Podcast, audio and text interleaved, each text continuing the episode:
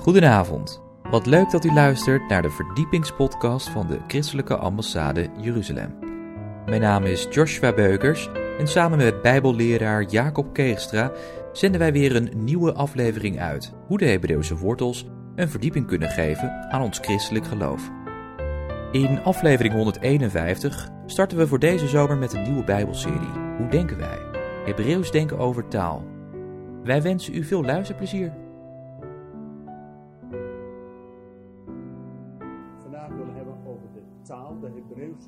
Het Bijbelse ABC. En taal is nodig om de woorden van onze mond vorm te geven. Amen. Als ik ergens mag spreken in de landen, dan is meestal in het gebed daarvoor dat ik dit uitbid. Psalm 19, dat de woorden van mijn mond en de overlegging van mijn hart.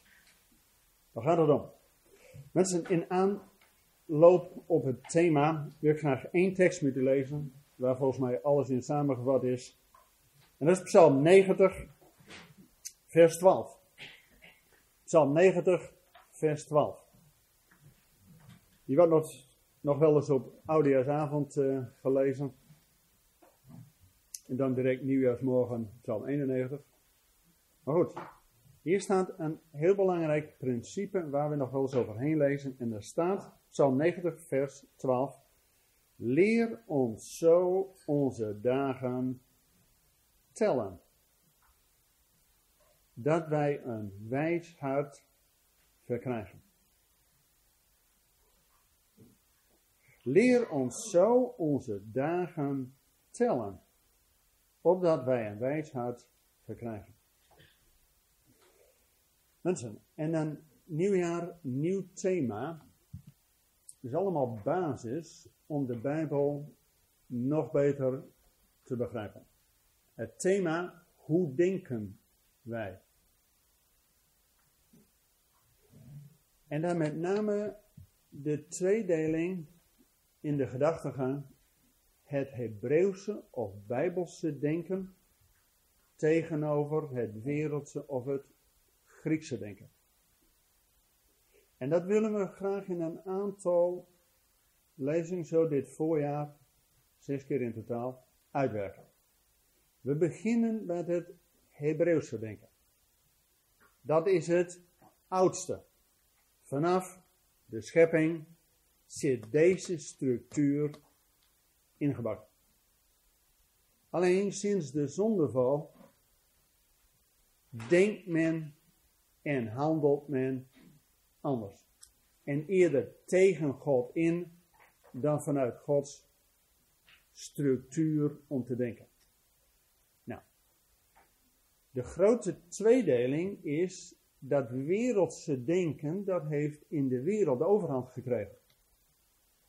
En sinds het evangelie de wereld ingegaan is, probeert dat Hebreeuwse denken weer terrein te winnen. Alleen, dan worden wij in de Bijbel opgeroepen dat we bekeerd worden in ons denken. Dat was natuurlijk helemaal niet nodig. Als je vanaf het begin dat Hebreeuwse denken gewoon je eigen hebt gemaakt. Maar goed, wij zijn ook in de wereld en meestal denken wij zoals ook in de wereld gedacht wordt. Vandaar dat de Bijbel ons meerdere keren oproept om dat we een metanoia in ons denken. Echt een radicale verandering. Niet een paranoia, dan heb je andere hulp nodig. Maar een metanoia. Dus een complete radicale verandering in ons denken.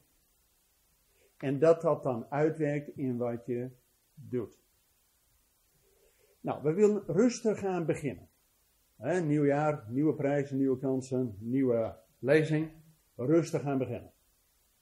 We willen dat Hebreeuwse denken, wat in de Bijbel gewoon basis is, rustig gaan opbouwen. Vandaar dat we ook een aantal maanden, dus iedere keer themaochtend willen gebruiken om dat gewoon wat meer tussen de oren te krijgen. En dat duurt even. Maar zodra Gods geest je daar de openbaring in geeft, dan wordt Bijbelstudie weer spannend. Want meestal lezen wij over heel veel nuances heen. Nou, we beginnen rustig aan eerst met de, het Hebreeuws denken over taal. U hebt al een mooi papiertje gekregen waar alle letters, de Hebreeuwse letters, op staan. Nou, daar gaan we het over hebben. Ik ga het met name eerst hebben over het Bijbelse ABC, het Hebreeuwse uh, letters. Want mensen, dat valt niet mee om dat even tussen de oren te krijgen. Ik moet ook alles drie keer horen voordat ik er één keer snap. Dus ik bedoel, uh, hè? dan preek ik ook tegen u, één keer tegen u, maar er zijn drie tegen mij. Hè? Dus de Bijbel zegt al, Paulus zegt, wanneer gij het woord predikt, bouwt gij in de eerste plaats jezelf op. Dus als je snel opgebouwd wilt worden, moet je vooral straks tijdens de lunch heel veel praten, zodat je zelf daardoor opgebouwd wordt. En niet alleen over het weer, maar over. Hè? Nou, dus dat Hebreeuwse denken wil we rustig gaan opbouwen. Eerst over de taal. En voordat je met woorden en grammatica en zinnen en de hele Bijbel begint, dat we eerst met de letters. Nou, daar is al een hele uitleg van. Dan volgende maand, volgende ronde, willen we het hebben over de natuur. Hebreeuws denken over natuur. Van zaaien en oogsten, vruchtdragen. Dat zijn allemaal begrippen in de Bijbel die wij denken, oh dat weten we wel. Nou, daar zullen we het nog verder over, met elkaar over doordenken. En na de natuur gaan we het hebben over de cultuur. En er zijn ook allemaal begrippen in de Bijbel. Je kunt over Jezus, die wordt aangekondigd als de herder. En de bruidegom. En de koning. Nou, dat zijn allemaal begrippen waarvan wij denken, oh, dat hebben wij ook. Nou, het Hebreeuwse denken geeft vaak nog andere nuances. Dus we willen het hebben eerst over de taal, dan over de natuur, dan de cultuur en tenslotte over de feesten. We hebben natuurlijk al vaker over de feesten gehad, maar om uh, zoveel over de feesten te vertellen. De hoogste dagen om nader te komen tot God. Daar zijn Pasen, Pinkster en het Loofhuttenfeest voor, om steeds verder te naderen tot de troon van genade. Als we die vier keer hebben, dan gaan we het hebben over het Griekse denken. Wat daar vaak compleet tegenover staat. We het hebben over het Griekse wereldsdenken, hoe dan over goden en mensen gedacht wordt. En dat komt ook in de Bijbel voor hoor. Dus daar gaan we het vanuit de Bijbel over hebben. Maar ook het verschil tussen ziel en lichaam. Denk je nou, gewoon, nou, het hele Griekse denken is doorademd met een tweedeling tussen ziel en lichaam. Wat je denkt is wat anders wat je doet. En daar gaat het precies fout. Het Hebreeuwse denken gaat van eenheid uit. Omdat God één is, wil hij ook dat wij één zijn. In wat we geloven, in wat we denken, in wat we doen, in wat we ervaren. Als dat niet één is, dus wat we geloven is wat anders dan we denken, en weer iets anders wat we zeggen, weer iets anders wat we doen, en nog weer iets anders dan wat we ervaren. Jongens, dan ben je rijp voor pastoraat. Want dan ben je niet enkelvoudige getuige van de Heer. God wil dat we daarin één zijn. En Jezus zegt niet voor niks, op cruciale momenten, de Vader en ik zijn één. Nou, dat is allemaal inleiding. We gaan het hebben over taal. En dan met name ook die letters die nodig zijn om de taal te vormen. We kennen allemaal die tekst uit de openbaring. Jezus is de Alpha en Omega. Maar dat is Grieks. En dan mis je precies de Hebreeuwse context. Kijk, één ding is denk ik duidelijk. Als Jezus die inmiddels na hemelvaart aan de rechterhand van de Vader zit, als hij zijn meest geliefde apostel, Johannes, als die om het geloof verbannen is naar Patmos.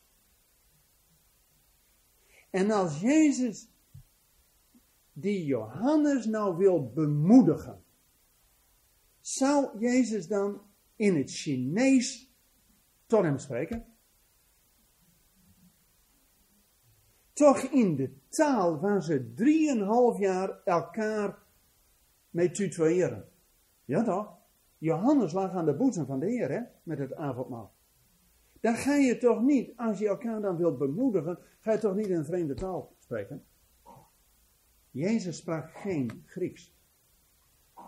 We zijn blij met vertalingen, ook in het Nederlands, anders zouden we de helft gewoon niet kunnen lezen.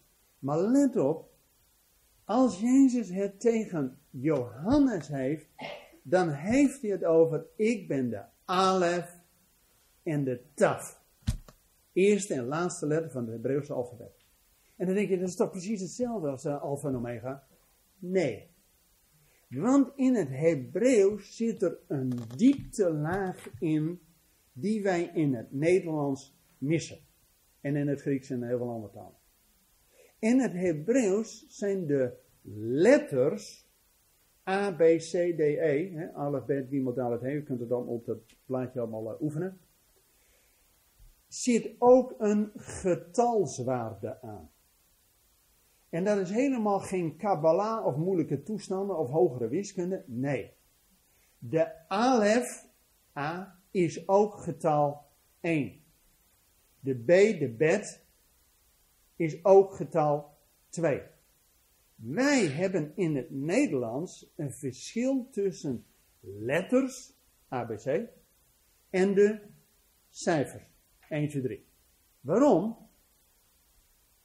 Omdat als je tegenwoordig op de markt wilt handel uh, drijven, is het natuurlijk moeilijk om te rekenen zoals wij vroeger in dat oude Nederlands, dan hadden we die letters 1, V, X, L, M, C, weet ik wel. En dat staat soms op die oude gebouwen.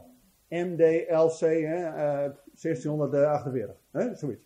Nou, daar kun je geen makkelijk mee uh, rekenen op de markt. Nou, dus hebben wij, notabene, van het Arabische schrift overgenomen een verschil tussen letters en cijfers. Dus wij zijn gewend dat ons alfabet, alfabet, alfabet, alfabet, dus ABC, los staat van 1, 2, 3. Maar in het Hebreeuws, de taal die God gebruikt om ons een boodschap mee te geven, zit dat bij elkaar. In de taal is die eenheid. Dus als je nou een woord of een letter leest, zit er altijd ook die getalswaarde bij. En dat is helemaal geen vreemddoenerij. Nee, dat is dat God ons daar iets mee wil leren. Om eerst met de letters te beginnen. Ik zal ze niet alle 22. In Nederland hebben wij 26.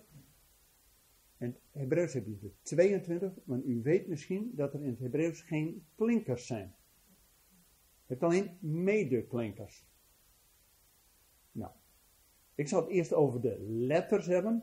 Daarna zal Henny ook iets over de taal. Hè? Want je hebt letters nodig om vervolgens woorden en taal. Om je te kunnen uiten heb je taal nodig. Daar zal Henny straks iets over vertellen. Hoe dat dan gaat en hoe je dat leest. Prima. Kijk, we hebben al gelezen Psalm 90. Leer mij zo mijn dagen tellen. Kijk, wij zeggen vaak, oh, je moet het even opschrijven. En dan schrijf je het op. Met letters. Maar God wil, net zo goed, de Bijbelschrijvers, de mensen die het allemaal keurig hebben overschrijven, die worden de Seferim genoemd. Nou, prima. Maar dat woord Seferim betekent niet alleen schrijvers, betekent vooral tellers. Zij telden de letters dat er geen jot of titel mist. Dat zijn de kleinste lettertjes. J, dat zijn de kleinste letters. Dus zij telden de letters dat er niks mist. Zodat het geheel blijft. En dat er van Gods woord geen jot of titel ten aarde valt. Nou, en zo dat ook wij die leven voor het aangezicht van God, dat wij ook onze dagen tellen. Weet je dat er in Israël, als je de, gewoon de week hebt, hè, van dagen, die zeven dagen een week vormen, hè, een eenheid. Zes werkdagen, één rustdag. Wij hebben dat genoemd met ons Griekse denken naar de zon, de maan, Wodan, Donar en de hele rattenplank komt langs, hè. Ja jongens, dat is onze cultuur, hè. Zo noemen wij de dagen. Weet u hoe Israël de dagen telt? Dag 1 richting Shabbat. Dag 2 richting Shabbat. Met antwoord, je telt als een progressie, maar met een doel. Kijk, ook onze dagen, wij beginnen s'nachts 0000 hè, in duisternis. En dan wordt het ochtends 6 uur licht, en dan is het de hele dag licht, en s'avonds 6 uur wordt het donker. En wanneer komt er een nieuwe dag? 24.00 is dan tegelijk 00 voor de volgende dag. Dus wij gaan in onze cultuur van duisternis naar duisternis. Zeg je misschien niks, maar dat betekent dat onze cultuur uiteindelijk geen hoop heeft. Maar God leert door de Bijbel, vanaf Genesis al, dat we onze dagen tellen. Het is avond geweest, de duisternis. Het is morgen geweest van het licht, de volgende dag. Dus je telt vanuit de duisternis naar het licht. Jongens, dat is evangelie.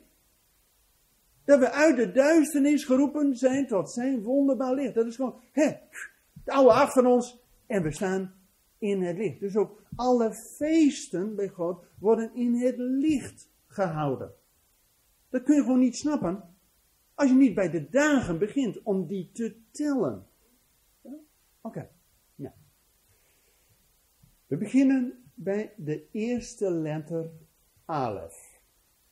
Alef is niet alleen de A, maar is ook nummer 1.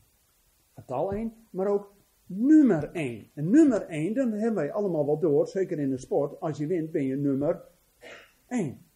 Maar nummer 1 betekent ook, dat staat nummer 1. Dat staat aan het hoofd. Kent u die tekst uit Hebreeën 12, vers 2? Dat wij moeten zien op Jezus, onze leidsman en voleinder. Jongens, dat is precies diezelfde tekst uit openbaring. Ik ben de alef en de taf. Begin en eind. Als hij nummer 1 is die aan het hoofd staat, is hij de leidsman. Dat is nummer 1. Maar hij is ook degene die het volmaakt. Hij heeft het al volbracht en het zal nog volmaakt worden. Hij is degene die het volmaakt. Dus dat wij, de Bijbel roept ons op met het meest Hebreeuwse boek uit het Nieuwe Testament, Hebreeën. Ja, logisch hè? Het meest Hebreeuwse boek uit het Nieuwe Testament, Hebreeën. Jongens, je kunt Hebreeën niet lezen zonder te snappen of vanuit dat Hebreeuwse denken Hebreeën te lezen. Hebreeën is aan Joden geschreven. Die snappen hoe dat Hebreeuwse denken, die zijn er gewoon mee opgevoed. Dus als wij vanuit de Griekse cultuur Nieuwe Testament lezen, niet voor niks dat er zo weinig over Hebreeën gepreekt wordt. Want daar heb je heel veel voorstudie voor nodig om te snappen waar die Hebreeënbrief het over heeft. Ook openbaring, het meest profetische boek uit het Nieuwe Testament, nou, blijft uit licht, dicht. Waarom? Er staan zoveel beelden in die je niet snapt als je niet eerst dat Hebreeuwse denken je hebt eigen gemaakt. Ja, dus gaat het juist om, door deze themaochtend, dat we de Bijbel beter kunnen verstaan en God nader tot ons hart door zijn woord kan spreken. Ja, dat is de bedoeling. Nou. Dus de A, de Alef is nummer 1. Maar alles in de Bijbel, wat een eerste is, is ook het meest principiële. De Bijbel begint, de Bijbel, Gods woord, met principes. Dat zijn die grondleggende dingen waarop verder wordt voortgebouwd de rest. Dus de rest van de Bijbel kun je gewoon niet lezen als je niet ook eerst bij het fundament begint. Nou. Ik zal niet Genesis nu uitleggen, maar we gaan verder met de letters. De tweede letter in het Hebreeuwse alfabet, kunt u ook op het plaatje zien, is de bet. De B van bet. En dat is de eerste letter waar de Bijbel mee begint. En dan moet je eens kijken. Eerste woord wat God in de Bijbel is natuurlijk in de begin. Hè?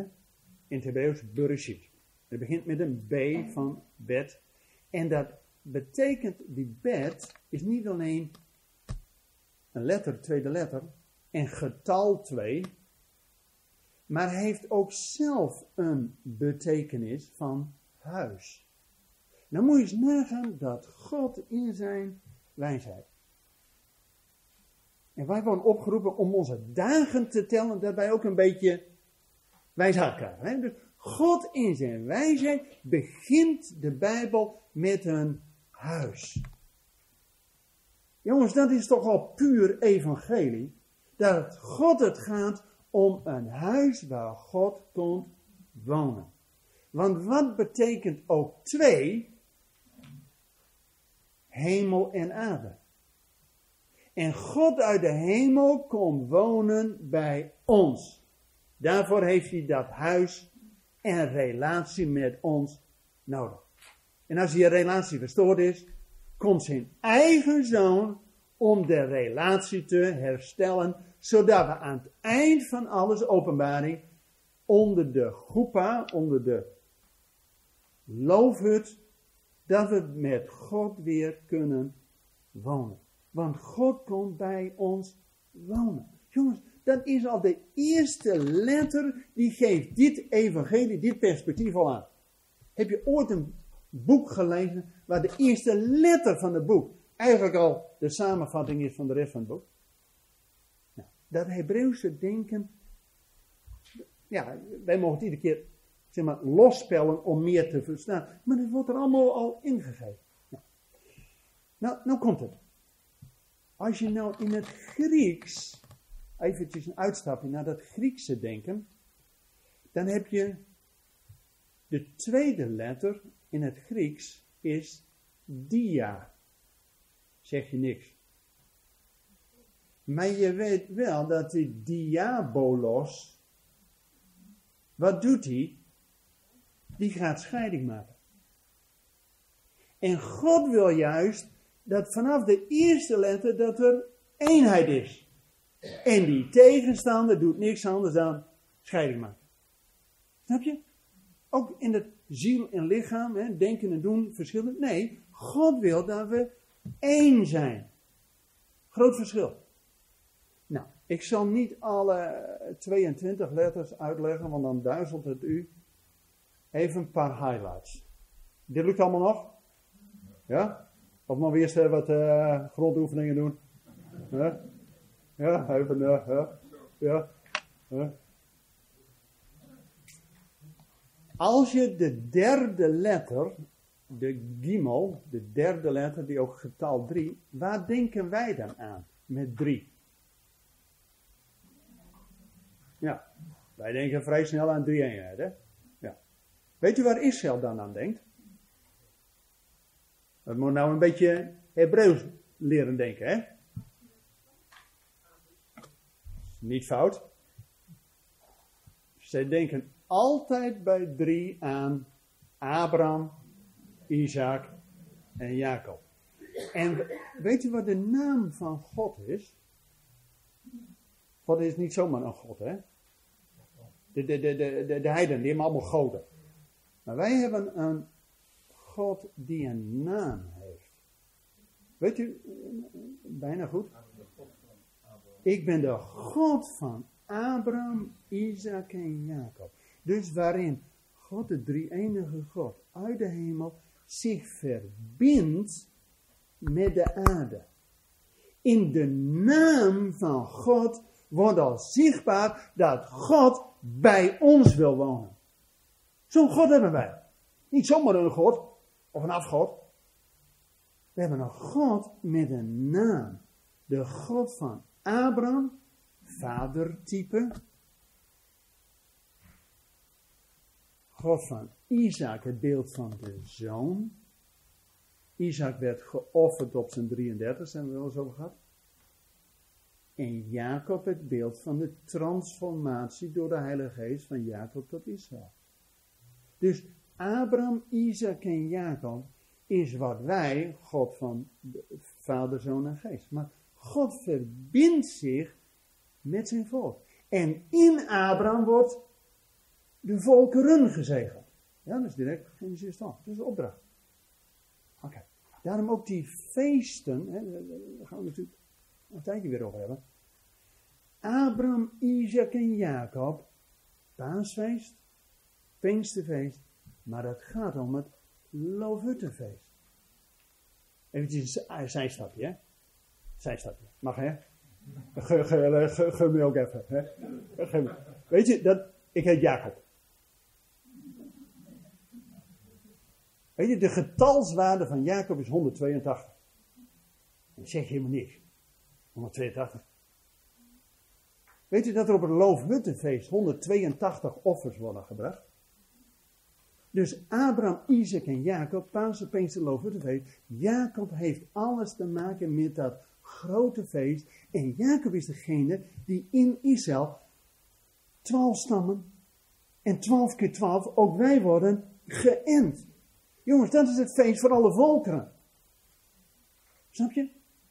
Dus logisch dat die Jacob in zijn naam al iets te maken heeft met wat er met dat feest allemaal gebeurt. Om God te dienen. Nou, even terug. Drie. Abraham, Isaac en Jacob. En wordt altijd als een geheel gezien. God noemt zich altijd de God van Abraham, de God van Isaac, de God van... Dus daar zie je al dat God zichzelf een drie-enige God benoemt. Ja? En hoe de naam is... Hé, hey, hoe was dat ook alweer met Adam? Adam en Eva die kregen opdracht om in het paradijs de dieren een nummer te geven. Dat is wat wij doen. Hè? We geven nu de honden zelfs een chip, allemaal genummerd. En die tegenstander wil niks anders dan ons een nummer geven. Hè? Hey, openbaring 13 is dichterbij dan we denken. Hè? Maar wat doet God? Geeft aan zijn plaatsvervanger op aarde, Adam, nog even voor de zondeval. Want daarna heb je een nieuwe Adam nodig. Maar aan Adam geeft God de opdracht om de dieren een naam te geven. En weet u wat erbij staat? Hoe hij ze noemt, zal hun karakter wezen. Dus je naam heeft iets met je karakter, met je roeping, je identiteit te maken. Wauw. Dat is een diepe. Ook al uh, gaan je oren nu op slot voor de rest van de lezing. Jongens, je naam heeft iets met je identiteit en je roeping te maken. Dus hoe Adam de dieren ging benoemen, zo zal hun aard, hun identiteit zijn. Als God zichzelf noemt met de naam, ik ben de God van Abraham, Isaac en Jacob, en daarvan zegt Jezus, God is niet een God van doden, maar van levenden. Dus ook Abraham, Isaac en Jacob leven voor het aangezicht van God. Hoe snappen wij niet? Dat is een deel. Maar als God zich benoemt, is dat zijn karakter. Maar als dat niet klopt, kun je wel stoppen met de Bijbel. Want wat heeft het dan voor zin dat Adam de dieren een naam geeft? Als ze toch wat anders doen. Als je naam iets met je karakter, je identiteit heeft te maken, is het logisch dat God zichzelf, als hij zich benoemt, en ik ben de God van Abraham, Isaac en Jacob, dat dat iets met zijn karakter te maken moet hebben. Nou, door de hele Bijbel zien we dat door Abraham God het evangelie verkondigt. Nou, zodat het huis, dat bed van God, volkomt. Snap je? De Bijbel is een eenheid. Nou, er komt iedere keer weer meer perspectieven, maar het gaat om die terug naar die basis. Nou, na drie komt vier. Vier heeft verschillende betekenissen. In de Bijbel komt vier nog alles voor. De vierde letter, de dalet, is getekend. Ieder, een letter is ook een, gewoon een teken, hè? een beeld. Tegenwoordig leven we ook in een beeldcultuur. Hè? Een image. Je moet allemaal tegenwoordig een beeld hebben. Nou, prima. God had dat 4000 jaar geleden al bedacht. Dat in die letters, die dalet, is getekend als een deur. Dus ook het, als men is, uh, dalet, en die deur, in het Hebreeuws deur, is ook delet. Komt van dalet. Dus, dus die vierde letter opent de deur. Als die drie enige God bij ons wil komen, meestal is er nog wat deuren die open moeten. En wie is de deur tot de Vader? Jezus. Nou, vier staat ook voor de vier windstreken. En dat de geest is uitgestoot tot de vier windstreken. Oftewel, op alle plekken. Waarom niet gewoon rond? Je zou dus zeggen, nou, de hele uh, Godsgeest gaat de wereld rond. Maar heel specifiek zegt God, naar de vier hoeken der aarde. Kijk, wij zijn op het noorden georiënteerd. Hè? Magnetisch noorden, daar is onze kaarten op georiënteerd, het noorden. Maar iemand in het Midden-Oosten, dus Hebreeuws denkt het, oriëntaals, die oriënteert zich op de Oriënt, het oosten. Maar dat is heel simpel, waar de zon op komt. En iedere dag komt de zon niet in het westen op, maar in het oosten. Dus al die oude kaarten is allemaal naar het oosten toegericht. Nou moet je eens kijken, dat oosten kom je iedere keer tegen. Wanneer, als Jezus terugkomt, dan staat er, zal zijn voet raken de olijfberg, die aan de oostkant van Jeruzalem ligt. Staat expliciet in de schrift. Waarom het oosten?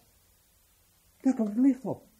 Hij toch de blinkende morgenster. Kijk, in het Hebreeuwse denken hoort dat gewoon bij elkaar. Logisch dat Jezus niet uit het westen komt. Maar uit het oosten. Van hij is de blinkende morgenster. En ook nog geografisch. De olijfberg is iets hoger dan de stad Jeruzalem. Dus als de zon eerst nog maar rustig opkomt, schijnt hij eerst tegen die achterkant van de olijfberg. Maar pas wanneer de zon wat doorbreekt, hoger, dan wordt het in één keer wam, dat die stad in volle gloed staat. Dan is het ook Jeruzalem zelfzaam. Jeruzalem, de stad van goud. En al dat koud zandsteen, nou, als die zon erop schijnt, dan schijnt het allemaal goudkleur. Ja, dus niet van niks dat het natuurlijke en het geestelijke, ook de zon, helpt erin. Nou, dat is een beeld uit de natuur, maar met een geestelijke betekenis. Alles uit de natuur heeft een geestelijke betekenis. Nou, die vier komen we ook tegen in de Bijbel, ook in het Nieuwe Testament. Want waarom hebben we vier evangeliën? Om alle perspectief van Jezus te belichten. Als er op een kruispunt wat gebeurt, heeft een politie het liefste dat er vier getuigen staan. Op alle hoek één. Zodat je van verschillende perspectieven het bekijkt. En als je vanuit vier verschillende perspectieven Nou, dan heb je een redelijk totaalbeeld. Dus ook dat we vier evangeliën hebben om de grootheid van Jezus te belichten. Matthäus, die Jezus als een koning schildert. Marcus, die Jezus als een knecht schildert. Lucas, die Jezus als een mens schildert. Lucas was de arts. En Johannes, die Jezus schildert als de zoon van God. Nou, die vier perspectieven geeft toch redelijk een totaalbeeld. Zodat we goed zicht krijgen wie wij nou eigenlijk dienen. Dat toch? Nou, vier komt ook bijvoorbeeld in de eredienst voor. In Israël had je de priesters, die hadden vier kledingstukken. Dan denk je, ah, toevallig. Ah, jongens, in de Bijbel is er geen toeval. Er is zelfs geen letter te veel in de Bijbel. Alles heeft een bedoeling. Alleen het is voor ons om het te onderzoeken. Maar gelukkig geeft God zich geest om daar weer nieuw licht over geven. Nou. Dan ehm, gaan we naar de vijfde letter, de He. Vijf in de Bijbel staat voor de handreiking van God. Waar denken wij dan aan? Of vooral ook Israël aan? Handreiking voor God? De Torah. De Torah, de handreiking, de onderwijzing van God, is één Torah naar 500 eeuwen. Sterker nog, in de Bijbel, wij, wij hebben de eerste vijf boeken, hè? Genesis, Exodus, met z'n allen komen er wel uit, hè? Oké.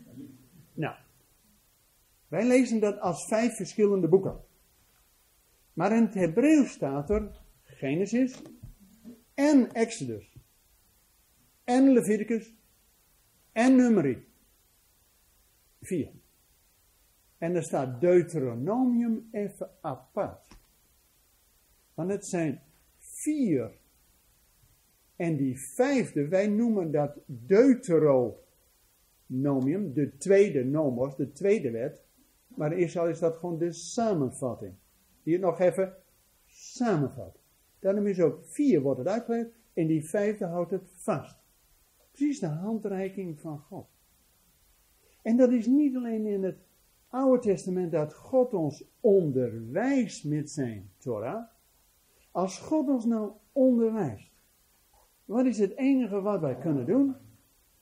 Is God prijzen.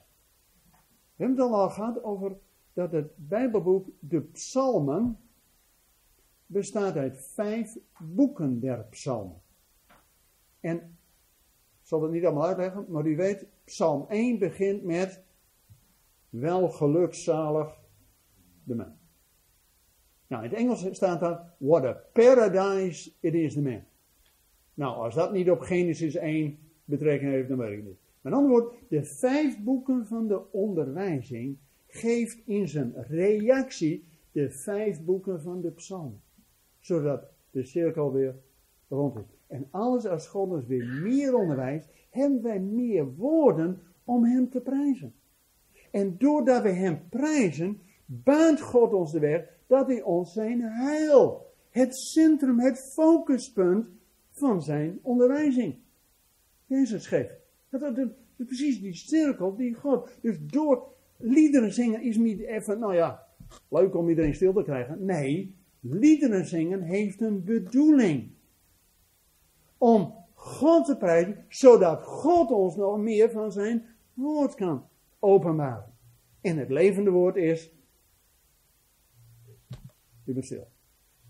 Gelukkig is er nog één die. Uh, ik neem aan dat u dat baant, hè, het levende woord. Ja? Oké. Nou, dus vijf in de Bijbel is niet alleen in wat wij noemen Oude Testament, Tenach, maar ook in het Nieuwe Testament. Zijn vijf beloften van de Heilige Geest. Er zijn vijf bedieningen om de gemeente te helpen. Welke zijn er? Apostel, herders. Precies die handreiking van God. Hè? God doet die vijfvoudige bediening om de gemeente te helpen tot dienstbaarheid. Apostel drukt zijn stempel. Die sticht de gemeente. Is, het door. Evangelist is van de lange arm om iedereen erbij te krijgen. De herder is van de ringvinger. Die de trouw geeft. Jongens, als je een herder hebt die niet trouw is aan de gemeente, dan heb je een probleem. En de leraar is de lastigste. Dus een kleine pink, want het woord van God drinkt van een, scheidt van gedachten en overleven. Daarom is die pink ook zo onderwijs in altijd. de. ik herken het. Probeer het vriendelijk te doen, maar onderwijs, jongens, onderwijs is juist nodig om al die ballast, dat Griekse denken, om dat weg te doen. Zodat we vernieuwd worden in ons denken en eindelijk de Bijbel kunnen lezen zoals God het bedoeld heeft. En we de rijkdom van Gods woord kunnen indrinken. Nou, daarvoor heb je helaas ook de leraar nodig. Maar God geeft die hele vijfvoudige bediening. En misschien is wel het belangrijkste boek in het Nieuwe Testament Jacobus. En dat wordt nooit uitgeprest. Jacobus heeft vijf hoofdstukken. En dat is de halfbroer van Jezus. Het hoofd van de gemeente in Jeruzalem. Die zelfs Petrus en Paulus uh, bij de les houdt. En die vijf hoofdstukken van Jacobus volgen precies de vijf boeken van de Torah. Nou, allemaal huiswerk om uh, thuis nog eens te lezen. Jongens, als je die diepgang ziet, dat vijf is het getal van Gods genade. Zodat we bij de handreiking van Gods, Gods bij de troon van genade komen. Dan niet met één hand, maar dan willen we toch met beide handen vastgrijpen. Ja, zo? Nou. ik zal niet alle letters. Uh, maar zes is het getal van de mens. Zes is het getal van de mens, omdat de mens op de zesde dag geschapen is. Alleen die tegenstander, die ultieme mens, die denkt dat hij heeft het getal 666. Wordt nooit goddelijk, maar die denkt het de superman te zijn. Nou, maar als je het, uh, uh, ook op je blaadje kun je zien dat het, het beeld van 6 is een haak. En dat geeft al het beeld dat wij als mensen die op die zesde dag geschapen zijn, aangehaakt moeten worden bij God.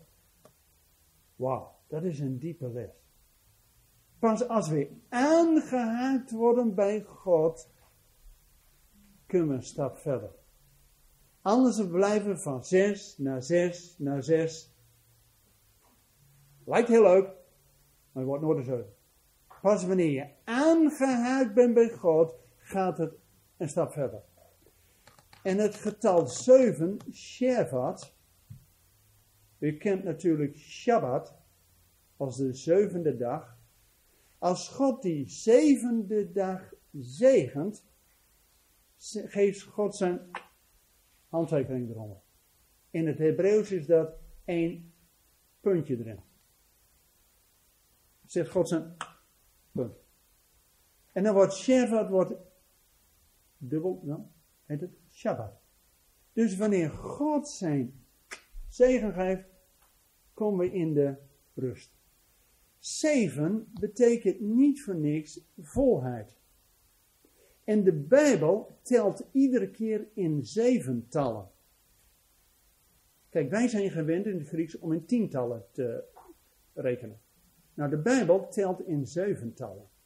In openbaring, als het allemaal tot een voltooiing komt, gaat het over de zeven bezuinen, de zeven zegels, de zeven schalen, de zeven uh, geesten voor de troon van God. Dus allemaal zeven is het getal van de volheid.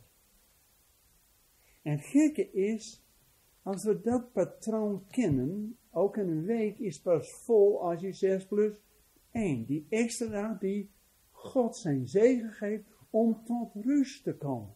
En er staat er twee keer in de Bijbel. dat we de zevende dag moeten onderhouden. En de volgende keer staat er dat we de zevende dag moeten stoppen met werken. Waarom? Onderhouden is een gebod van God. Om, de, de om ons te verlustigen in wat God geeft. Zodat onze ziel weer doet herademen. Lehit nefesh staat er in het Hebreeuws. Dat je je ziel, je nefesh, je ziel weer doet herademen. Dus dan moet je stoppen in het horizontale, dat werken, zodat je tijd krijgt voor de verticale relatie. Vanuit die twee geboden. Beide over die zevende dag die God tot een zegen maakt in de Shabbat. En het gekke is, dan denken we met zeven, nou dan is alles compleet. Hè? Nou, dan kunnen we nou naar huis. Zeven gaat compleet uit. En dan telt God door. Want na zeven tellen wij in een week weer bijeen. En na, na een week na zeven dagen beginnen we weer opnieuw. Wij zijn iedere keer in de cyclus 1 tot 7. Maar wanneer komen we nou in die achtste dag? Die achtste dag is iets wat buiten, kijk nu even in het Hebreeuws hè. Als je zeven een cyclus van de week heeft, van een complete, hè, dat is een cirkel rond. Maar je kunt eindeloos in die cirkel zitten. In je eigen soren zitten. Hoe kom je eruit als God iets vanuit zijn kant erin dropt? En dat is die acht. De achtste dag geeft iets vernieuwd. Zodat je daarna weer je dagen kunt tellen. Maar wel iets vanuit Gods kant erbij, die een nieuwe impact geeft. Vandaar dat Jezus, en alles wat ik uitleg, moet altijd kijken, hoe zat het dan bij Jezus? Voor onze Heer en Heiland. Die is opgestaan uit de dood, wanneer? Na de Shabbat. Bij het aanbreken van de nieuwe morgen. Bij het aanbreken van de nieuwe dag. En vanuit de duisternis naar het licht. En dat was, wij noemen dat paaszondag. In het Hebreeuwse denken is dat dag der eersteling. Hij, hij is de dag van nummer Alef. Weet je nog? We waren bij nummer 1. Hij, hij laat zien door alles dat hij nummer 1 is, wanneer is ook op die dag van nummer 1 in een vernieuwd hoedanigheid tot ons gekomen. Dus is hij ook die eerste Hebreeër die van de overkant, die van Gods kant, ons vanuit onze cirkeltje in een nieuw perspectief kan brengen. En dat is niet alleen bij Pasen wat Jezus doet. Pinksteren doet precies hetzelfde. Dan hebben we zeven weken van zeven dagen. Dus 49 dagen gaat na Pasen. 7 keer 7, nou dan denk je, nou de compleetheid ten top. He, 7 is al volheid. En dat 7 keer, nou dan hebben we compleetheid van de volmaaktheid. Nou. En dan komt God met een achtste dag iets vanuit Gods kant, vanuit zijn geest die in ons een nieuwe adem geeft, een nieuwe identiteit geeft. En daarom is het wekenfeest Pinksteren heet in het Hebreeuws de achtste dag van Pesach. De afronding van Pesach. Ook al staat er zeven keer week tussen. Dus het is ook tegelijk de vijftigste dag. Nou moet eens kijken. U kent het principe van de Sabbatsjaren en van de jubeljaren. Nou, jubeljaar is het vijftigste jaar. Nou, ook 50 dagen tussen Pasen en Pinksteren. 7 keer 7 is 49.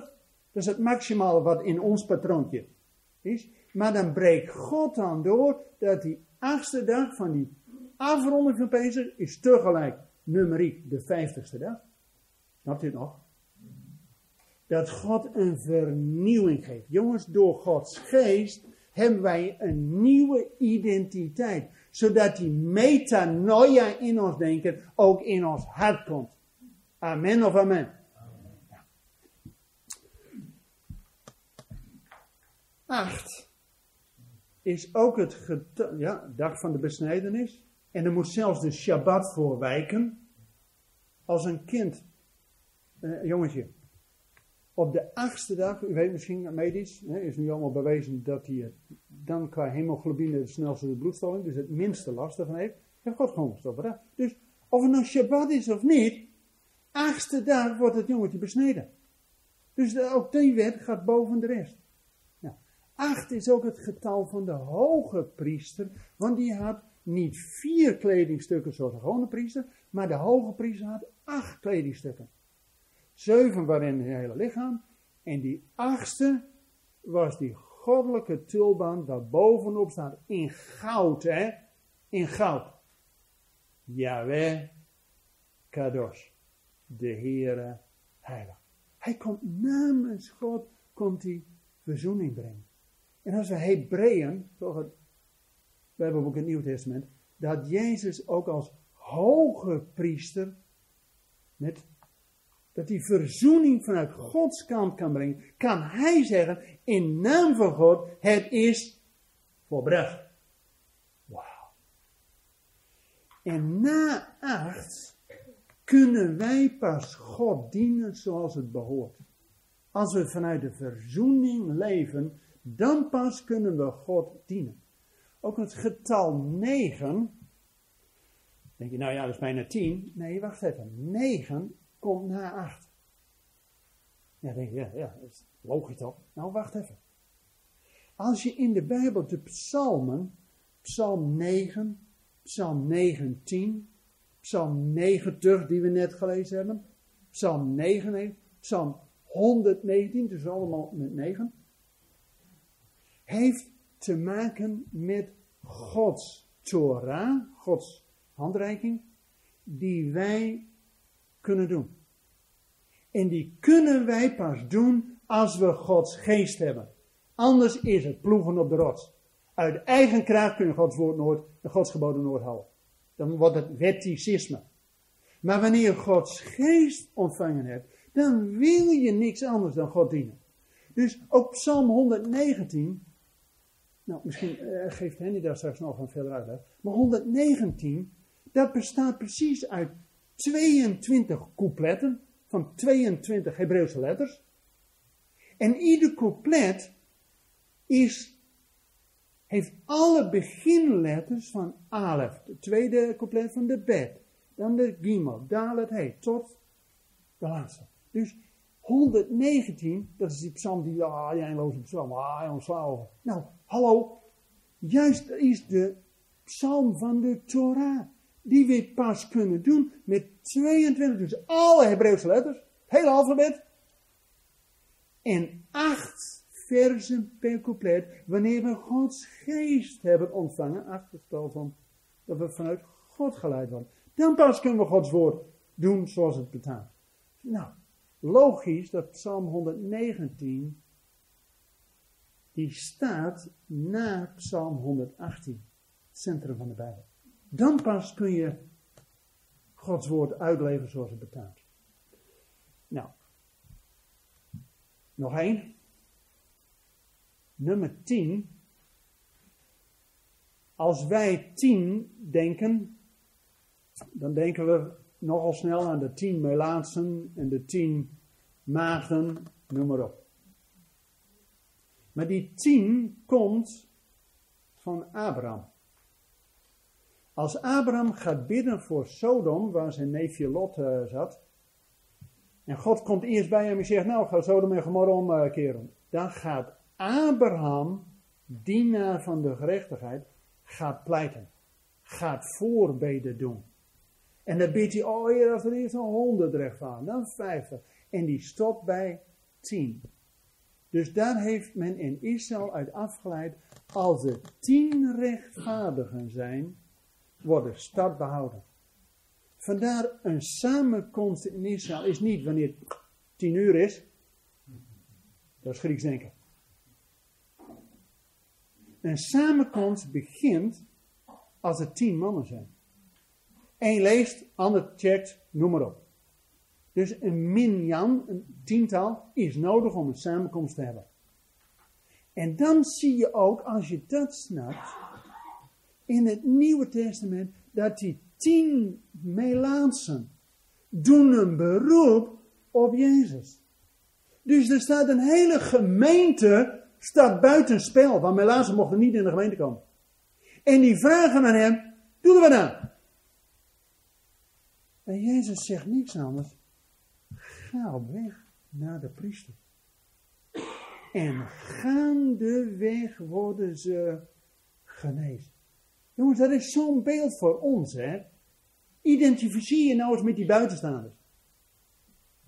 Maar gaandeweg, als we het woord van God horen en gaandeweg gewoon doen, wat hij zegt, worden wij gereinigd. Wauw. Alleen in het Nieuwe Testament hebben we ook die vijf en vijf, hè, die tien maagden, die waren, gingen allemaal op weg om die bruidegom tegemoet te gaan. Maar ja, ze sliepen allemaal. Maar als je Gods geest hebt, dus de identiteit changer, dan heb je voldoende olie. Dan hoor je bij die vijf die binnengaan. En die andere vijf haak af. Nou, nog één toegift. De laatste letter. De laatste letter is de taf. En die heeft, die schrijft nu als een taf. Maar vroeger in het Oud-Hebreeuws was de alef, de eerste letter, kun je eenvoudig als een kruisje zien. En de laatste letter werd getekend als een plus, als een groot kruis. Als Jezus de alef in de taf is, dan is hij ook degene die in zijn roeping dat kruis heeft. Wauw. In het Hebreeuws, wat nu, en ook in de Bijbel, wordt die taf iets anders geschreven. Maar de getalswaarde is hetzelfde, 400. Ik denk nou 400. Ja, moet je even nagaan. Als Israël uit Egypte na 400 jaar. Want dan staat er dat die vuurkolom ging voor hen uit en die wolkolom achter hen. Jongen, die farao die zag helemaal niks. En de rots die met hem meeging. Nou, wie is die rots die met hem meeging? Toch Jongens, dat is gewoon die taf die zegt na 400 jaar, move. Het is vol. Ook na het, wat wij noemen Oude Testament, de laatste profeet, duurt het 400 jaar voordat Johannes, de profeet van het Nieuwe Testament, die direct de Messias mag aankomen. 400 jaar. Het is ook 400 jaar dat het kalifaat in het Midden-Oosten is geweest. 15, 17, 19, 17. Dus men doet nu allerlei pogingen om de kalifaat te herstellen. Jongens, forget it. Als God zegt, na 400 het is over, er komt een nieuwe bedeling, dan gaat dat gewoon gebeuren. Dus dat Jezus de alef in de taf is, jongens, dat is toch nummer 1, maar ook nummer 400. Dat betekent dat er ook na die 400 jaar gewoon er wat vernieuwd gaat worden. Nou, er zijn nog veel meer dingen over die uh, letters te verkondigen. Ik denk dat ik het makkelijkste Henny kan vragen om niet alleen de letters, maar vooral ook om de taal, om daar woorden mee te maken. Dan wordt het natuurlijk helemaal spannend.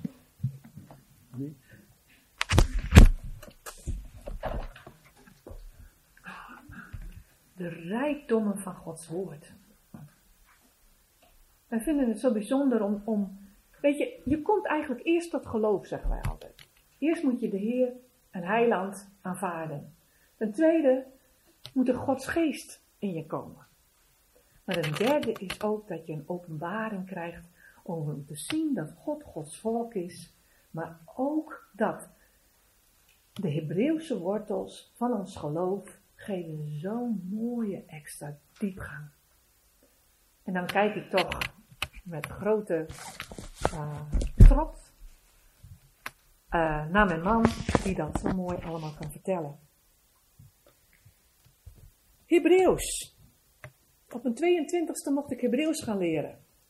Ging naar de talenschool en ja, je leert gewoon een nieuwe taal.